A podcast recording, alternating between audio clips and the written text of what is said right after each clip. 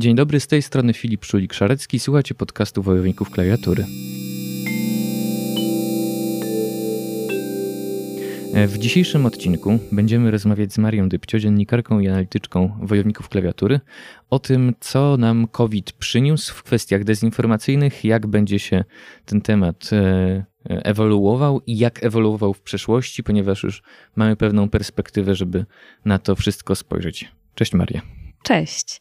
Tak, cieszę się, że jestem z Tobą dzisiaj, że będziemy o tym rozmawiać. Chciałbym zacząć od tego, że w naszej serii podcastów e, będziemy rozmawiać o różnych tematach, zaczynając od e, wątków związanych z uchodźcami, z osobami ze społeczności LGBT.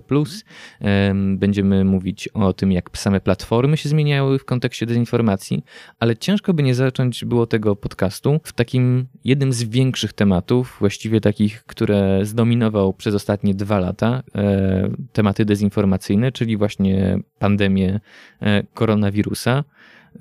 Powiedz, jak zapamiętałaś ten czas i e, czy może moje mówienie o tym w formie trochę przeszłej jest błędne, bo może, może właściwie to nie uciekniemy od tego już te fejki i dezinformacja o covid z nami zostaną?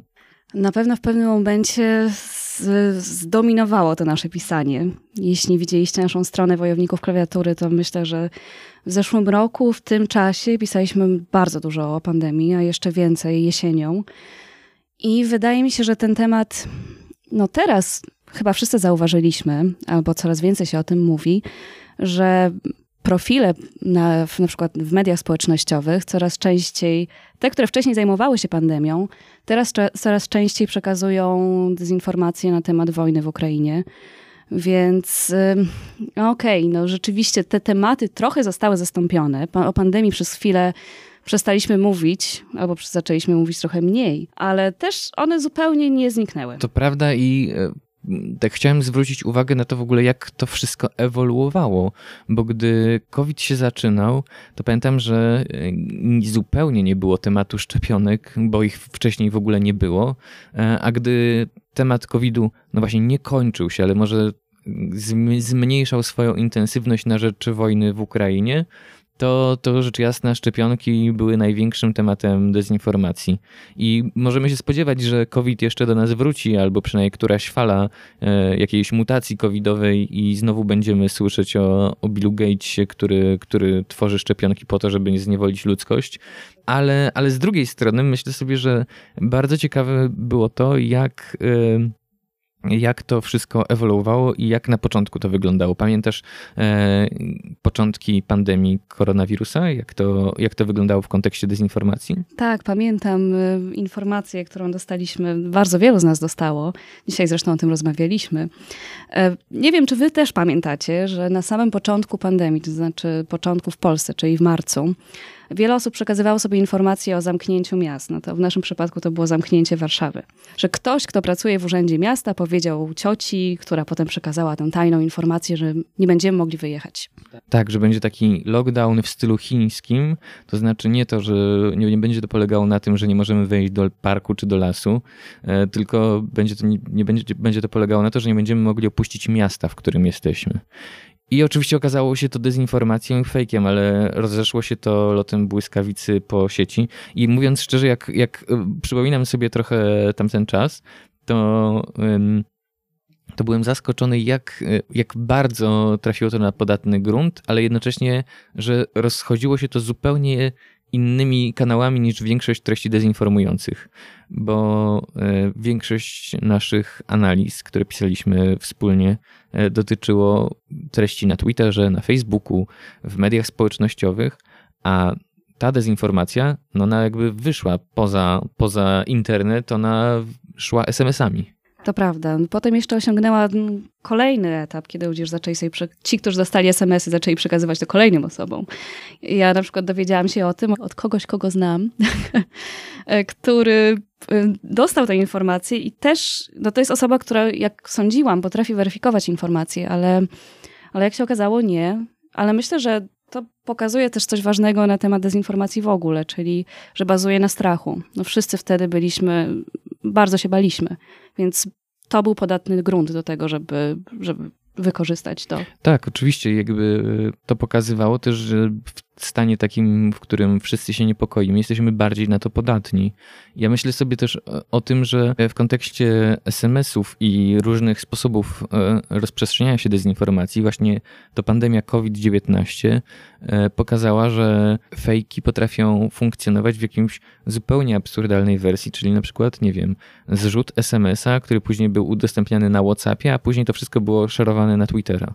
I to nie były tylko mechanizmy udostępnień na Facebooku, albo tylko share na, czy retweet na Twitterze, tylko że właśnie um, ciężko było ten, e, tego fejka zatrzymać, bo później się okazało, że funkcjonował zupełnie w oderwaniu od pierwotnego miejsca, z którego pochodził, tylko właśnie został zeskrinowany. Tak, to prawda. No też pojawiło się wiele odniesień, które były takie bardzo nierzeczowe, czyli właśnie naukowcy skądś tam mówią o czymś tam. I mnóstwo osób nabierało się na to. No niestety, to był do, dobry przykład, żeby zobaczyć też, w jaki sposób weryfikować informacje. Było nam łatwiej o tym mówić. Wymyśleni naukowcy to jedno, ale e, myślę i pamiętam jeszcze, e, że e, było po prostu mnóstwo teorii spiskowych. No bo poza lockdownem, który miał nastąpić i mieliśmy być uziemieni w jakimś konkretnym mieście i bez możliwości w ogóle żadnego poruszania się, no to po, po tym pierwszym etapie przyszedł czas na maseczki Pamiętasz, jakie były paranoje z maseczkami? Tak, oczywiście tego było bardzo dużo. Na pewno pamiętasz, pamiętacie informacje o grzybicy płuc, to też z każdej strony o tym słyszałam i też o niedotlenieniu, że przez to, że, że używamy maseczek przez kilka godzin w ciągu dnia, to na pewno bardzo źle skończymy. Tak, to, to kwestia niedotlenienia. No i w końcu pojawiły się pierwsze pogłoski o, o tym, że w ogóle naukowcy pracują nad szczepionkami. Wszyscy chcieli je strasznie mieć. E, na początku tak, a później się okazało, że, że jest mnóstwo osób, które jednak tych szczepionek nie chcą mieć, bo no i już bo, po tym, bo było bardzo dużo teorii. Było ich mnóstwo. Oczywiście było białko kolca, które miało być e, bardzo niebezpieczne, bo w jakichś ogromnych ilościach miało trafiać do naszego organizmu. E, potem pojawiły się różne informacje, na przykład o abortowanych płodach. Nie wiem, czy pamiętasz też te opcje. Tak, w szczepionce Johnson Johnson. E, potem pojawiły się informacje, które ja uznawałam za no, bardzo niebezpieczne. Nie wiem, czy, czy natrafiliście na to, jak y, mówiono, że nie można oddawać krwi po przyjęciu szczepionki. Ja w pewnym momencie widziałam to dość w wielu miejscach, w mediach społecznościowych. No i wiadomo, że jest to niebezpieczne, kiedy nie ma wystarczającej ilości krwi. I prawie zawsze nie ma wystarczającej ilości oddawanej krwi, a co dopiero, kiedy ludzie boją się to robić, właśnie przez to, że, że ich krew może być w jakiś sposób zanieczyszczona przez szczepionkę. Więc można oddawać krew po szczepieniu, trzeba odczekać. No, wystarczy sprawdzić te informacje dokładnie ile godzin, ale związane z tym, i to, to mnie też przeraziło, były narracje o czystości krwi właśnie z tą, z tą szczepionką. Więc to, to w ogóle bardzo źle brzmi. Czystość krwi, że jakaś lepsza rasa, lepsza, lepsza krew. I niestety to zostało do dzisiaj. Nie wiem, czy, czy widziałeś, Filip, ale nadal na jakichś kontach antyszczepionkowych, które zajęłeś tematem wojny w Ukrainie, bo jeszcze takie istnieją ten temat się pojawia, że jesteśmy lepsi, bo mamy czystą krew. Widziałam to ostatnio w kwestii Dziokowicza, że teraz wygrywa kolejne turnieje, bo, bo jest czystej krwi. To prawda, jakby jak przy, przyglądam się tej ewolucji różnych fejków i dezinformacji związanych z koronawirusem, później szczepionkami, maseczkami i różnymi innymi rzeczami, to miałem takie, mam też takie wrażenie, że czym dalej w las, tym bardziej absurdalne te fejki były. One na początku też były bardzo dziwne. E, już nie, nie mówię o tym, o pochodzeniu wirusa. Czasami e, widziałem teorie spiskowe, że, że albo były to jakiś, jakaś broń biologiczna, mm, która została przygotowana przez Amerykanów, to, e, albo odwrotnie, przez Chińczyków, żeby, żeby właśnie cały świat opanować. To, to został w laboratorium przygotowany koronawirus. A były jeszcze teorie spiskowe, że, żeby, żeby, żeby koronawirus to tak naprawdę właśnie jakiś efekt działania obcych sił UFO y, i masonerii. Więc. Y, no myślę, że to twoje ulubione tematy. No to są takie najbardziej absurdalne, w związku z tym y, faktycznie najśmieszniej się to czyta, ale z drugiej strony naj, najbardziej jest to przerażające, że ludzie w to faktycznie wierzą. I zastanawiałem się w ogóle, czy w kontekście koronawirusa widziałaś jakieś takie rzeczy, które już właśnie były najbardziej odjechane albo najbardziej dziwne i, i specyficzne, e, bo właśnie ta dezinformacja, która, na którą często natrafialiśmy, no ona tak stopniowo właśnie wpadała czasami w coraz większe odmęty szaleństwa. Mm-hmm. No tak, myślę, że to, co powiedziałeś, to, te, to były tematy, na które też zwróciłam uwagę, ale no, ja miałam często problem z takim poczuciem absurdu i też e, z trochę ogromnej niechęci, tak myślę, nawet nie wiem do końca jak to nazwać, kiedy zaczęły się pojawiać tematy związane z Holokaustem. I to, no rzeczywiście, to nie jest odjechana teoria, to nie jest UFO, no ale porównywanie obowiązku szczepień z Holokaustem, to wykroczyło ponad wszelkie moje. Było dla mnie to bardzo trudne do zaakceptowania. E, jako wojownicy klawiatury też e, przygotowaliśmy raport, e, który mówił o pierwszych miesiącach pandemii i o tym, jak była wykorzystywana narracja antyunijna przez polityków, ale nie tylko polityków, i przez różne konta twitterowe poddaliśmy e, Twittera po prostu analizie, e, po to, żeby szerzyć antyunijną propagandę w kontekście koronawirusa. I to było też e, ciekawe i mm, no, oczywiście przykre doświadczenie zobaczyć, jak w tę narrację antyunijną wpasowują się idealnie konta polityków, którzy albo je podgrzewają, te nastroje, e, albo sami dają się podgrzać tej antyunijnej retoryce bo przecież na samym początku um, pojawiały się głosy, że no tak, no, że jakby po covid Unii już Europejskiej nie będzie, bo nie ma respiratorów, nie ma maseczek, nie ma e, niczego i, i żadnych, żadnych dobrych wiadomości, poza tym, poza oczywiście znowu kolejnymi jakimiś takimi fałszywymi doniesieniami o polskich lekarstwach, które mia, mają magicznie nas uzdrowić z COVID-u. Tak, czyli to miało pokazać, jak Polska fantastycznie sobie radzi, jak bardzo Unia nie domaga, jak nie jest w stanie sobie poradzić z COVID-em.